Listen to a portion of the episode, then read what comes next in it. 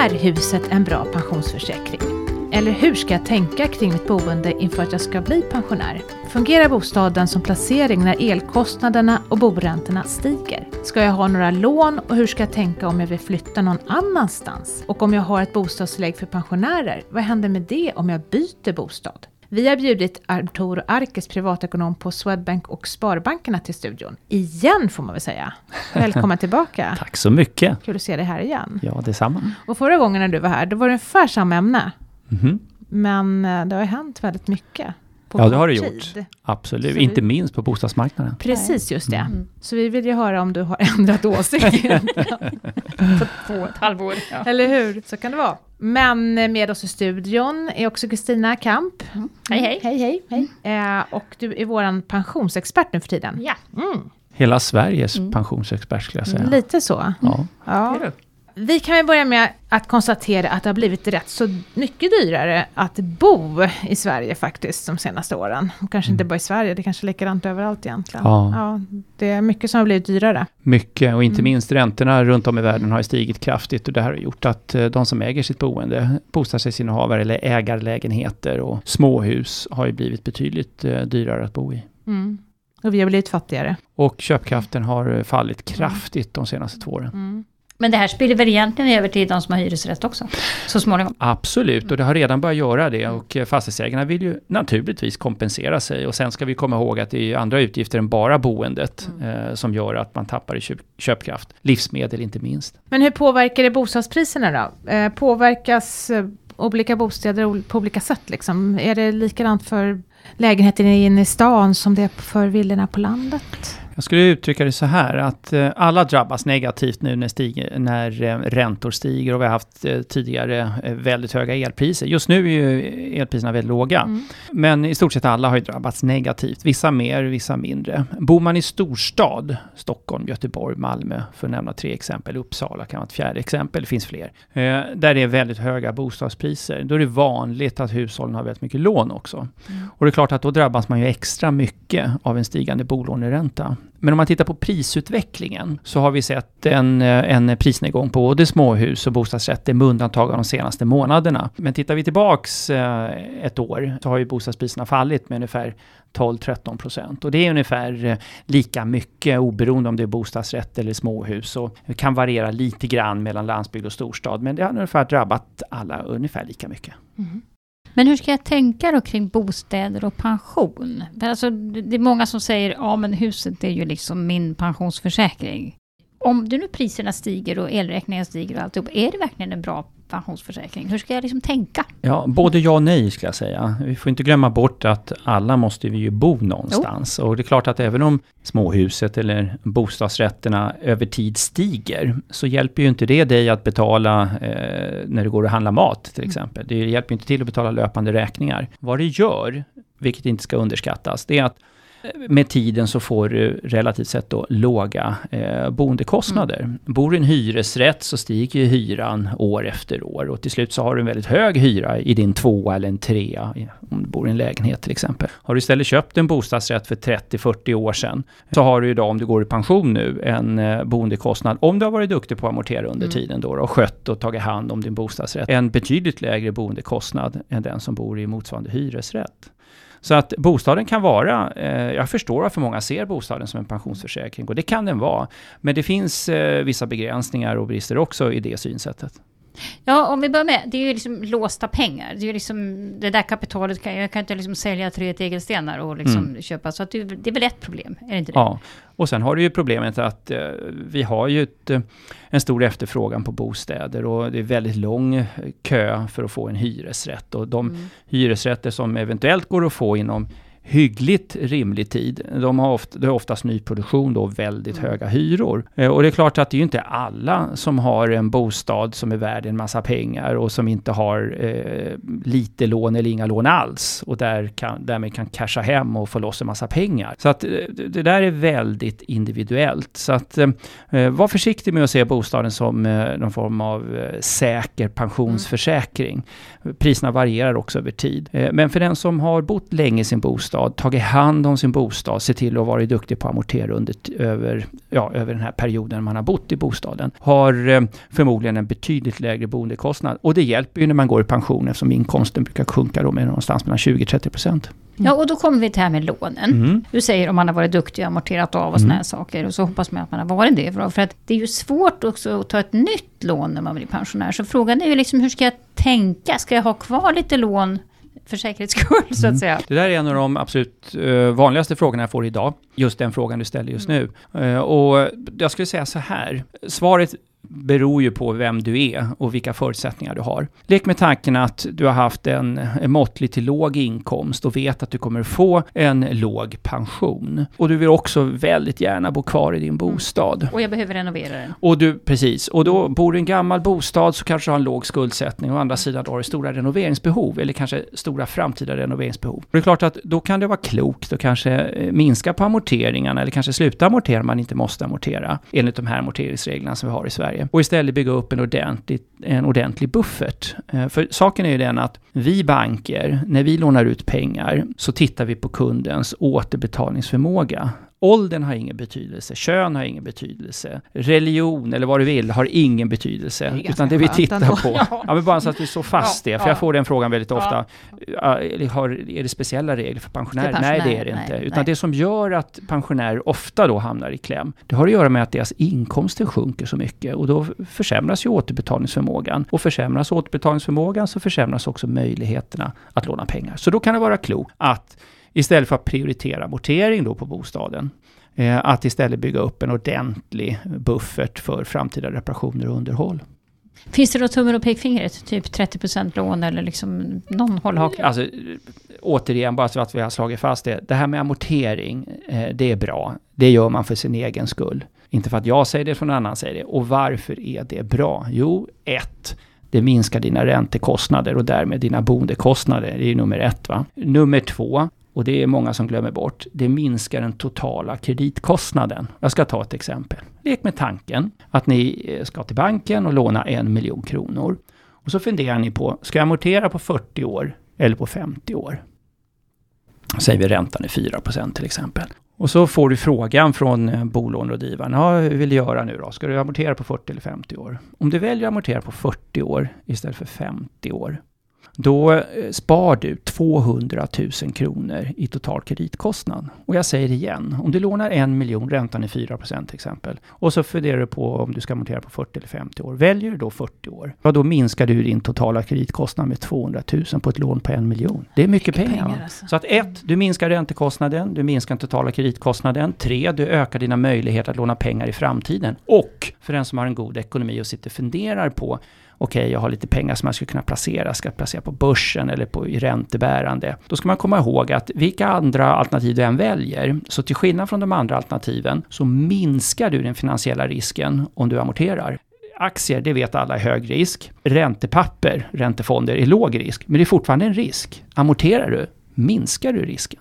Så fyra goda argument till varför du ska amortera. Du ska inte ha några lån. Det är klart att lån är bra. Lån gör det möjligt för oss att köpa en bil, köpa en bostad. Så det är ju jättebra att det finns lån. Och det är bra att det finns möjlighet till konsumtionskrediter. Men det gäller ju att välja smart när man lånar och hur man lånar och av vem man lånar. Men bostäder behöver ju renoveras också. Och, ja, och här är det många som slarvar. Eh, vi banker till exempel, när vi lånar ut pengar till någon som ska köpa en bostadsrätt, då brukar man lägga till en extra tusenlapp som man måste kunna klara av i reparation och underhåll löpande Per för bostadsrätten per månad. Eh, och jag skulle säga som har varit ordförande i en bostadsrätt, är det ju olika bostadsrättsföreningar över 30 år, att det är lite underkant skulle jag säga. Det är ett minimum. Du får ju ingen lyxlägenhet genom att renovera för 12 000 per år. Nu pratar vi om renoverad, alltså du ska byta diskmaskin, Ja, är det en tvättmaskin. villa så kan det vara taket liksom. Det kostar ju flera hundratusen. Ja, precis. Ja. Så pratar vi bostadsrätt ska jag säga en tusenlapp i månaden. Det är lågt räknat. Ja. Och pratar vi småhus så Ja. pratar vi 3-4 tusen kronor Ja. i månaden. Lågt räknat. Men då ingår bergvärmepumpen och yttertak och innertak och allt sånt där. Så en, ett bra tum, en bra tumregel för dig som bor i småhus, det är att titta på taxeringsvärdet på, på huset och sen försöka spara åtminstone 1,5 procent av taxeringsvärdet eller 2 procent av byggnadsvärdet. Det är en bra måttstock på vad du behöver lägga undan för framtida reparationer och underhåll. Jag blir Eh. alldeles stum Ska Jag jag, göra det? nu. Ja, du får flytta nu. Men ska du göra det även när du är pensionär? Ska du inte liksom dö ifrån huset då, eller Ja, alltså det, återigen, det beror ju på vad man har för horisont, Ja. självklart. Och det är lite grann det här jag menar att man kanske missar, för man kan ju se att okej, min bostad har ett högt värde, men eh, det man glömmer många gånger då, det är att bergvärmepumpen ska bytas ut efter 20 år, hängrännor ska bytas ut efter 30 år och så vidare. Och om man då inte har lagt undan pengar för det här, alltså den här slitagekostnaden, eh, har man inte lagt undan pengar för det, då behöver man ju springa till banken och låna. Så många äldre som har bott i sina hus länge, de har ju inte en jättelåg belåningsgrad alla. De med god ekonomi har det, för de har ju tagit de här reparationskostnaderna löpande. Men för den som inte har haft en så god inkomst, de har ju varit tvungna att gå till banken med jämna mellanrum och finansiera en stor del av de här renoveringarna. Så det kanske slutar med att när man eh, närmar sig mm, pensionsåldern och funderar på hur man ska göra, då kanske man har ja, belåningsgrad på kanske 60-70 procent även som pensionär. För att man har haft en låg inkomst och inte klarat att ta de här slitagekostnaderna med egna pengar, utan måste ta det med, eh, med bankens pengar, alltså lån. Men då, om vi leker med tanken då att jag känner, nej det här går inte, jag kan liksom inte lägga undan 3-4 tusen per Mm. månad i en renoveringsfond liksom. Mm. Och jag bestämmer mig för att sälja min bostad. Ska jag då satsa på en hyresrätt eh, med en hög månadskostnad? Eller tycker du att jag ska köpa en bostadsrätt? Då är vi tillbaks... Det Eller här en är... äganderätt, det finns Det här ska säga, det, det, det är den näst vanligaste frågan jag får idag. Eh, Och det här är också en istället? jättebra Ja. fråga. Och, och det där svaret är ju samma sak här då. Det beror lite grann på eh, förutsättningarna såklart. Men det många gör idag, framförallt i storstäder, eh, äldre människor som har stått i kö. Jag är en sån person. Jag har ju stått i kö för en hyresrätt i, ja, jag vet inte om det är 20 år nu, kan vara mer än 20 år. Och jag kanske har 10 år kvar när jag kan få en, en attraktiv hyresrätt i bästa fall då, då. Men det många gör som närmar sig 60 eller pensionsåldern, 66, 67 eller vad det nu är man har i riktålder. Det är att man eh, många gånger nu, inte minst med tanke på de höga räntorna, så här, funderar då på att kanske sälja sin bostadsrätt och köpa en, eh, en eller köpa, skaffa sig då eh, via kö Eh, en hyresrätt. Man ska komma ihåg då, det är att för de som har en god inkomst, de klarar ju en, en hög hyra. Eh, men det är ju inte alla som gör det. Och då kanske man inte blir godkänd. Å andra sidan då så kanske du får loss en hel del pengar när du köper en bostad. Men det är inte säkert att alla får det heller. Så att återigen, förutsättningarna varierar väldigt mycket. Men jag tror och vet ett antal journalister som har gjort så här. Att man har sålt sin bostadsrätt för att man har fått ett erbjudande om en hyresrätt. Och som sagt, är den här hyresrätten en hyresrätt som man tycker är attraktiv med en hygglig eh, hyra, ja då kan det vara ett bra alternativ. Andra som inte hoppas eller eh, tror på tur, eh, väljer kanske att se om sitt hus i god tid och vill sälja villan i god tid och downsize, alltså sälja villan och köpa en bostadsrätt. Och jag har gjort undersökningar kring det där och eh, oavsett var i landet du bor, för den som har köpt ett småhus för 20-30 år sedan och eh, säljer småhuset och köper en bostadsrätt i, i samma kommun och har amorterat enligt dagens amorteringsregler, de skulle kunna köpa en trea och bli skuldfria. Det finns två undantag och jag tror det var Övik och på Gotland. Då har du ett litet, litet lån kvar. Men i alla andra kommuner så, eh, om, så, så blir du skuldfri och kan bo i en trea. Det är inte illa. Det är inte så illa, men Nej. det är ju en förutsättning, de där amorteringar och bla bla bla Ja. som du sa. Men finns det, jag läste just i tidningen idag att vi har aldrig haft så stort utbud på, på bostadsmarknaden som nu. Folk bara häller ut sina villor och lägenheter till. Kan man bli sittande med en villa som man i princip inte blir av med? Det händer. Och framförallt om man bor i orter där eh, befolkningstillväxten är negativ. Ja. Så att absolut, vi får ju oftast bara höra de här fantastiska Mm. eh, goda affärerna som folk gör i attraktiva kommuner eller områden. Men det finns ju naturligtvis mindre attraktiva områden och det där kan ju svänga också. Så att eh, det där varierar och återigen, man behöver sätta sig in i den egna situationen. Hur ser min ekonomi ut? Hur ser förutsättningarna ut på min bostadsort och sådana saker? Du kanske har en bra ekonomi, men du bor i Stockholm och där har du ju hutlösa bostadspriser. Och, och, så, och vice versa. Du kan ha eh, väldigt låga bostadspriser, men eh, ha en väldigt låg pension eller kanske låg inkomst och därmed få en låg pension när du väl går i pension. Då får du stå där med ditt läckande tak. Ja. Men eh, det här låter ju som att du säger ändå tänka efter före lite grann. Och då Ja. är man ju inne på avvecklingsplan. Mm. Det kanske inte bara är att jag bestämmer mig från en vecka till en annan, jag måste sälja huset. Hur ska Ja. jag liksom bära mig åt om jag är klok? Jag tycker det är en av de bästa råden man kan ge. Jag skulle vilja säga så här, att vägen till en sund och hållbar ekonomi handlar ytterst om förmågan och möjligheten att kunna tänka efter före. Alla kan vi tänka efter efter, men tricket är att tänka efter före. Och vill man få en schysst eh, liksom, ekonomi, då, då gäller det att följa morsans två regler. Va? Undvika alla onödiga små utgifter och planera noga alla större inköp. Och pratar man bostad, då kanske vi pratar det största inköpet mm. i livet. Och då bör man vara ute i god tid. Väldigt många äldre håller ju fast vid sitt småhus. Vi har, eh, tar vi bostadsrättsmarknaden till exempel, så har vi 1,1 miljoner bostadsrätter och det omsätts ungefär 125-130 000 bostadsrätter varje år. Så varje bostadsrätt omsätts vart sjunde år ungefär. Pratar vi småhus,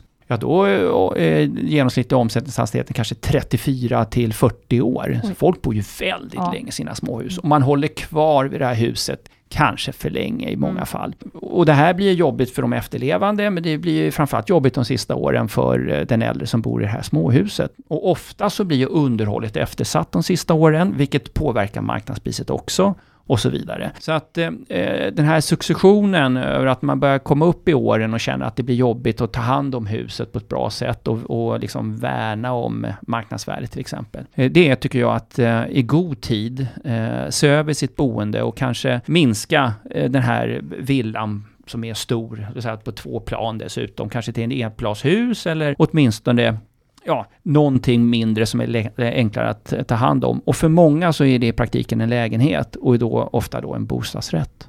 Mm. Så när ska jag börja döstäda? Jag tycker att du ska börja planera för det här när du börjar närma dig typ 50-55. Då tycker jag att du ska väcka tanken och börja fundera. De allra flesta är ändå ganska, jag menar, i väldigt bra skick i, vid 50-55 och då känns ju det här som helt avlägset. Men jag tycker ekonomiskt så behöver man börja planera. För om det är så att man ska göra något, då kanske man behöver öka upp amorteringarna eller skapa den här bufferten. Och då går det ju inte att komma på det när man är 65, då är det för sent. Så ur ett ekonomiskt perspektiv, då måste man nog börja tänka på det här vid 50-55. Och i ett fysiskt perspektiv, ja då kan man ju vänta till 60-65 i många fall, kanske 70. Men som sagt, eh, ekonomiskt så tycker jag man ska börja titta på det här redan vid 50-55. Jag har gjort så till exempel. Jag var ute i god tid och bor nu i en bostadsrätt eh, i Sundbyberg och trivs jättebra med det. Nära till allt tandläkaren, sjukvård och vad ni vill. Jättepraktiskt för mig. Jag tänker, det här kanske är en liten sidospår. Jag tänker på ny, just i Stockholmsområdet och i Skellefteå också för den delen. Mm. Alltså det byggs ju väldigt mycket nya lägenheter. Mm. Och då är det ju så att då är lånen i bostadsrättsföreningen väldigt höga. Ja, här är jätte jättebra att du tar upp. Jag har ju varnat för det här länge. Jag skrev en debattartikel i DN för drygt ett år sedan där jag varnade för det här. Att, ja, det är nog mer, det är snart två år sedan, där jag varnade just för att tänk om inflationen skulle ta fart och räntan gå upp. Då kommer många bostadsrättsföreningar, inte minst eh, nyproduktion, behöva höja sina avgifter kraftigt. Nej, nej, nej, var det några bostadsutvecklare som sa. Ska inte nämna deras namn, för de tycker väl att det är jobbigt nu. Mm. Eh, men då, och de har man ju kunnat läsa nu de sista eh, veckorna här i tidningarna om att många föreningar behöver höja med 25 till 50 procent. Så förstår ni själva. Och det är de Eh, storleksordningarna vi pratar om. Jättekraftiga höjningar. Och då är återigen, om jag är pensionär, då skulle jag ju prioritera om möjligt då föreningar med låg skuldsättning. Och vad är lågt? Ja, jag skulle säga att ett bra riktmärke under 5 000 kronor per kvadratmeter boyta, mm. då skulle jag säga att eh, då är det, då är det bra. Eh, och många äldre föreningar i äldre städer, eh, där bostadsrättsföreningen kanske har funnits länge, 40-50 år eller ännu äldre bostadsrättsföreningar, ja då kan man ha en skuldsättning på 2-3 000 kronor per kvadratmeter boyta. Och har man dessutom varit riktigt noga med att välja välja eh, sin bostadsrätt i rätt bostadsrättsförening, då kan man faktiskt hitta föreningar som inte bara har en låg skuldsättning, utan inga renoveringsbehov heller, i princip. Jag tänkte säga det, för det är väl ändå viktigt att kolla det också, så ja. man inte har allting framför sig. Teoretiskt mm. sett, eh, så är det ju så att eh, om du väljer mellan två alternativ, och nu är det ju två ytterligheter, fördelen med nyproduktion, mm. det är att du har noll i renoveringsbehov. Mm men du har en hög skuldsättning. Mm. Fördelen med den gamla föreningen är ju låg skuldsättning, men du kanske har stora renoveringsbehov. Det man som konsument ska titta på, helst som pensionär, det här är extra viktigt som pensionär då, mm. det är att titta på kanske äldre föreningar då med en väldigt välskött fastighet och låg skuldsättning. Det är guld. Baksidan med det är att det är oftast de som är de dyraste. Ja. men har du haft en villa så kanske du har pengarna. Ja, du kanske inte har kassaflödet och inkomsten, ja. men du kanske har pengarna att kunna betala för det. Och då skulle jag välja det. Jag har mycket att tänka på. och sen så är det det här med sommarstuga och, mm. och villa då. Mm. Om man har båda. Och vad skulle du behålla? Jag skulle behålla permanentbostaden, alltså där jag bor. Eh, alltså Ändå står det här och säger att man ska downsize och flytta. Och, ja, jag skulle ja. börja med små, då skulle jag börja med fritidshuset. Sen är ju det lite grann en sanning med viss modifikation. Mm. För att lek med tanken att jag är uppväxt som barn i villa och jag kanske har barnbarn och sådana saker. Eh, och känner kanske att ja, men jag orkar inte ta hand om villan, men sommarstugan, den vill jag behålla. Eh, för den kostar inte så mycket och barnbarnen och barnen kan vara där och nu när jag säljer villan och köper en bostadsrätt, ja då kanske det här småhuset blir lite viktigare än vad det var innan. Så att återigen, det beror ju på förutsättningarna och hur man mår eh, fysiskt också och ekonomiskt. Så att, men som sagt, generellt så skulle jag säga att jag skulle prioritera mitt, eh, alltså min eh, primärbostad. Därför att Därför att det är där jag bor, det är där jag eh, liksom vistas oftast och det är därifrån jag utgår när jag ska till köpa mat eller om jag ska gå till doktorn, tandläkare, vad det är för någonting.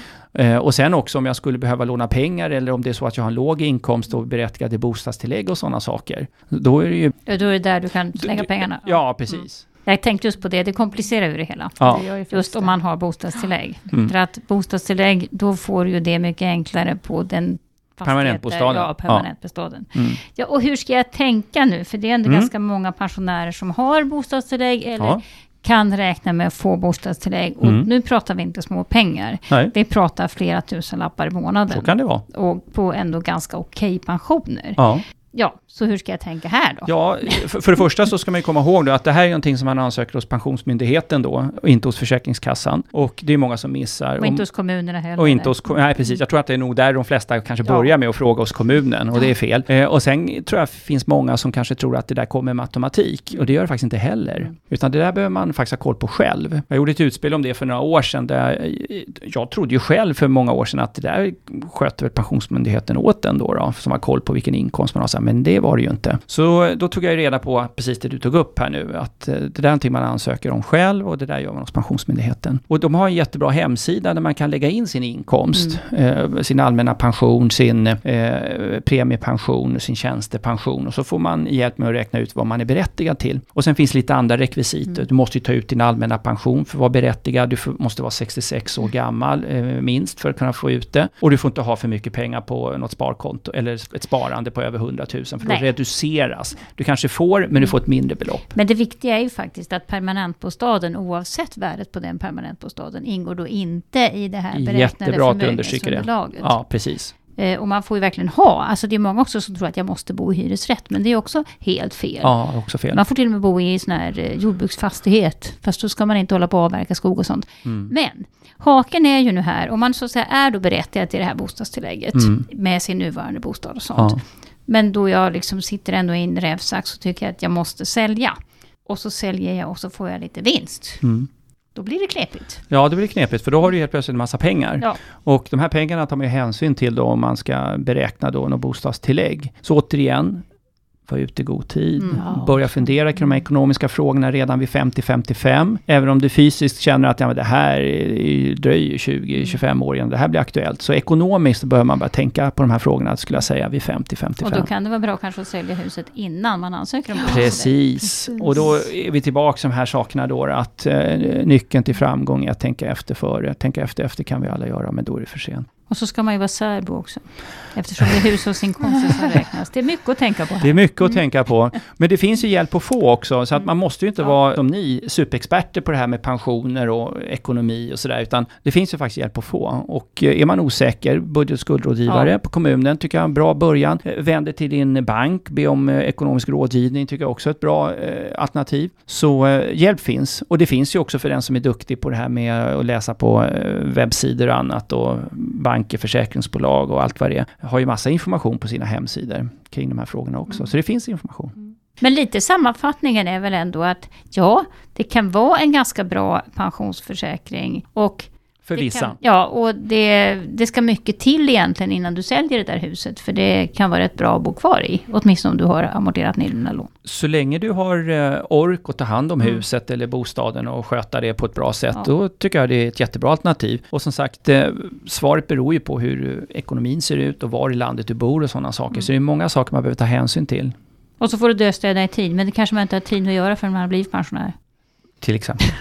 Till exempel. Eller när barnen flyttar hemifrån.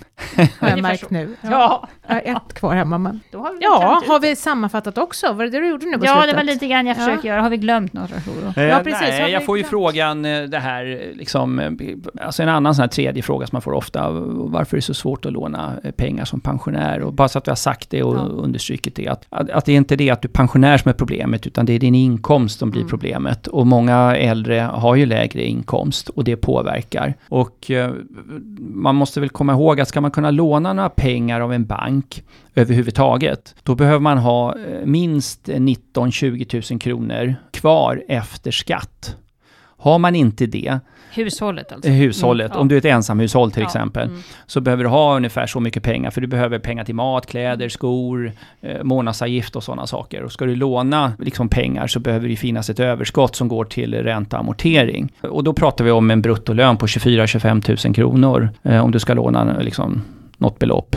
Och det är en ganska hög pension Och, faktiskt. ja, och det är en väldigt hög pension Ja. idag. Så att eh, det är svårt att låna eh, med eh, de, ja, för de som har haft, jag menar idag så är det ju livsinkomsten som avgör. Vi kommer väl i framtiden ha fler pensionärer som kommer ha goda inkomster, men vi kommer också ha en hel del pensionärer som har låga inkomster. Och för de som har haft en låg livsinkomst kommer ju få en låg pension och för dem är det väldigt tufft. Men då är min fråga, har du fått mer frågor om det här det senaste året? Ja. Och det har att göra med hur bostadsmarknaden ser ut. Så det är inte så konstigt när jag fick den här förfrågan från er. Eh, För det här är en högaktuell fråga och eh, jag är, jag är faktiskt uppriktigt bekymrad över eh, pensionssystemet och pensionssystemets utformning och den bostadsmarknad som vi har i Sverige. Vi har väldigt höga bostadspriser i relation till inkomsterna. Och det här har ju funkat de senaste 20-25 åren därför att räntan har bara gått ner och ner och ner och ner. Och ingen har brytt sig om morgondagen. Det vill säga det här att ja men villan ska ju renoveras om 30 år, det behöver man pengar till. Det har man inte brytt sig om. Så att liksom man har byggt upp ett väldigt stort upplåningsbehov. Det gäller ju bostadsrättsföreningarna också. Och det här ska ju förr eller senare betalas. Och det är det vi börjar se. Och det här funkar ju en bostadsrättsförening i de första 20-25 åren, för det är inte så mycket renoveringsjobb då. Sen kommer det. Men sen kommer det. Och, och då ska det betalas. Och har man otur och räntan är hög dessutom då, vilket det Är nu, ja. är nu va, så eh, är det liksom dubbelfel. Och det var ju lite grann för döva öron när jag började ta upp de här frågorna för fem sex år sedan. Att nej, nej, det är ju olyckskorp, det kommer inte hända och hit och dit. Vi kommer ha låg inflation för överskådlig tid och bla bla bla. Men på vilket sätt är det pensionssystemets fel? Nej, inte pension. Alltså vi har ett pensionssystem eh, som för många innebär relativt låga pensioner. Ah, okej. Och det är klart att kombinationen då, en låg pension och höga bostadspriser, gör ju omöjligt då. Jag menar, lek med tanken att du och jag är ett par och sen så vill vi sälja våran villa, men vi har väldigt låga pensioner. Vi får inte ihop kanske till hyran då. Nej. Om det är nyproduktion i Nej. en storstad. Så att eh, det blir lite grann en rävsax. Dessutom skulle jag säga, jag kanske är den sista generationen född i mitten på 60-talet, där det inte har varit helt orealistiskt att ha som ambition att vara skuldfri när jag går i pension. Mina föräldrars generation, det var ju jättemånga som hade det som, som mål, alltså satte upp som målsättning att när vi går i pension, då vill vi kunna bo kvar i huset så länge som möjligt till dess att orken tryter. Men av ekonomiska skäl kunna bo kvar om vi vill. Eh, och göra det genom, kunna göra det genom att vara skuldfria. Mina barns generation, det skulle jag säga är inte särskilt realistiskt. Inte utan- storstadsområden i fall. Nej, utan den, eh, mina barns generation som är födda då på 90-talet, början på 90-talet, där, eh, de kommer ju gå i pension med mycket lån. De får väl ärva pappas pengar då? Ja, det är väl det, möjligtvis, möjligtvis det, deras lösning då, då, om inte pappa har gjort av med alla de pengarna under eh, sin livstid. Allvarligt talat, bor vi för bra? Nej, jag ska inte säga att vi bor för bra. Eh, många är trångbodda, det ska vi inte underskatta, vet många på trångbodda. Det finns många bostadsområden som är klart eftersatta när det gäller underhåll. Och sen finns det helt fantastiska bostadsområden med jättefina småhus och välskötta både på landsbygden och eh, storstäder och finns jättevälskötta bostadsrättsföreningar. Så att det varierar ju mycket, men det, man ska inte underskatta problemet. Vi har miljonprogrammen som, eh, där i många fall då underhållet är eftersatt. Och vi har en massa andra sociala problem också eh, som gör att eh, många bostadsområden är otrygga. Så vi har ju stora utmaningar framför oss. Nu blev det jobbigt. Ja, ska Ja. det bli slutorden Det får bli Ska vi-. Jag ska säga så här, det, finns, det kan se mörkt ut och det, och det är, finns ingen anledning att sopa det under mattan. Men så länge man har hälsan i behåll Så eh, man har sina vänner och eh, släkt och annat man kan luta sig tillbaks mot så får vi ändå konstatera att vi har det rätt bra i Sverige. Ja. Och renovering är ju faktiskt ett väldigt bra spartips om man kan Ja. göra det själv. Absolut. Det var bra, det blev lite mer positivt. Tack för att du kom hit idag, Tack Arturo. själva. Det är alltid spännande samtal när du kommer till studion. Tack. Ja. Då ska vi gå över till veckans fråga. Och den kommer ifrån Karina som tänkte gå i pension i höst vid 63 års ålder. Och hon undrar, hur gammal måste jag vara för att få bostadstillägg? Och hur gör jag för att få det? Det har vi nästan pratat Det lite har vi grann om. nästa, men Ja. jag tycker vi tar det i repris. Alltså Karina bostadstillägg, det kommer att dröja flera år, så jag hoppas att hon klarar sin ekonomi till dess. Eh, hon är 63 år nu, så hon kommer inte att få det här bostadstillägget förrän hon är 67. Alltså fyra år från nu. Eh, men då ska hon ju ansöka om det hos eh, Pensionsmyndigheten. Och det går ju att kolla redan nu vad som är så att säga, vad hon kan räkna med att få. Men som sagt, det dröjer fyra år, så att jag skulle nog kanske fundera på att hänga kvar i jobbet lite längre. Kanske gå ner i arbetstid lite igen. Det istället, om Mm, det går. mm. Yes. Hålla ut längre, bli en jobbonär. Ja. Då hoppas vi att Karina är nöjd med det svaret. Och det var allt för oss idag. Tack för att du har lyssnat. I dagens avsnitt har du hört Arturo Arkes från Swedbank och Sparbankerna, Kristina Kamp och mig Maria Eklund från Min Pension. Och Min Pensionspodden produceras av Min Pension, som är en oberoende tjänst i samarbete mellan staten och pensionsbolagen, där du loggar in när du vill få bättre koll på dina pensioner. Om du vill höra fler avsnitt hittar du dem i kanaler där poddar finns, till exempel Spotify, iTunes och Google Podcast. Sök efter Min Pensionspodden så poppar vi upp. Och nya avsnitt släpper vi varannan fredag. Om du har förslag på poddämnen eller frågor som du vill att vi tar upp, då ställer du dem till poddatminpension.se. Ta nu hand om dig och din pension tills vi hörs igen. Ha det så bra. Hej! Hej då!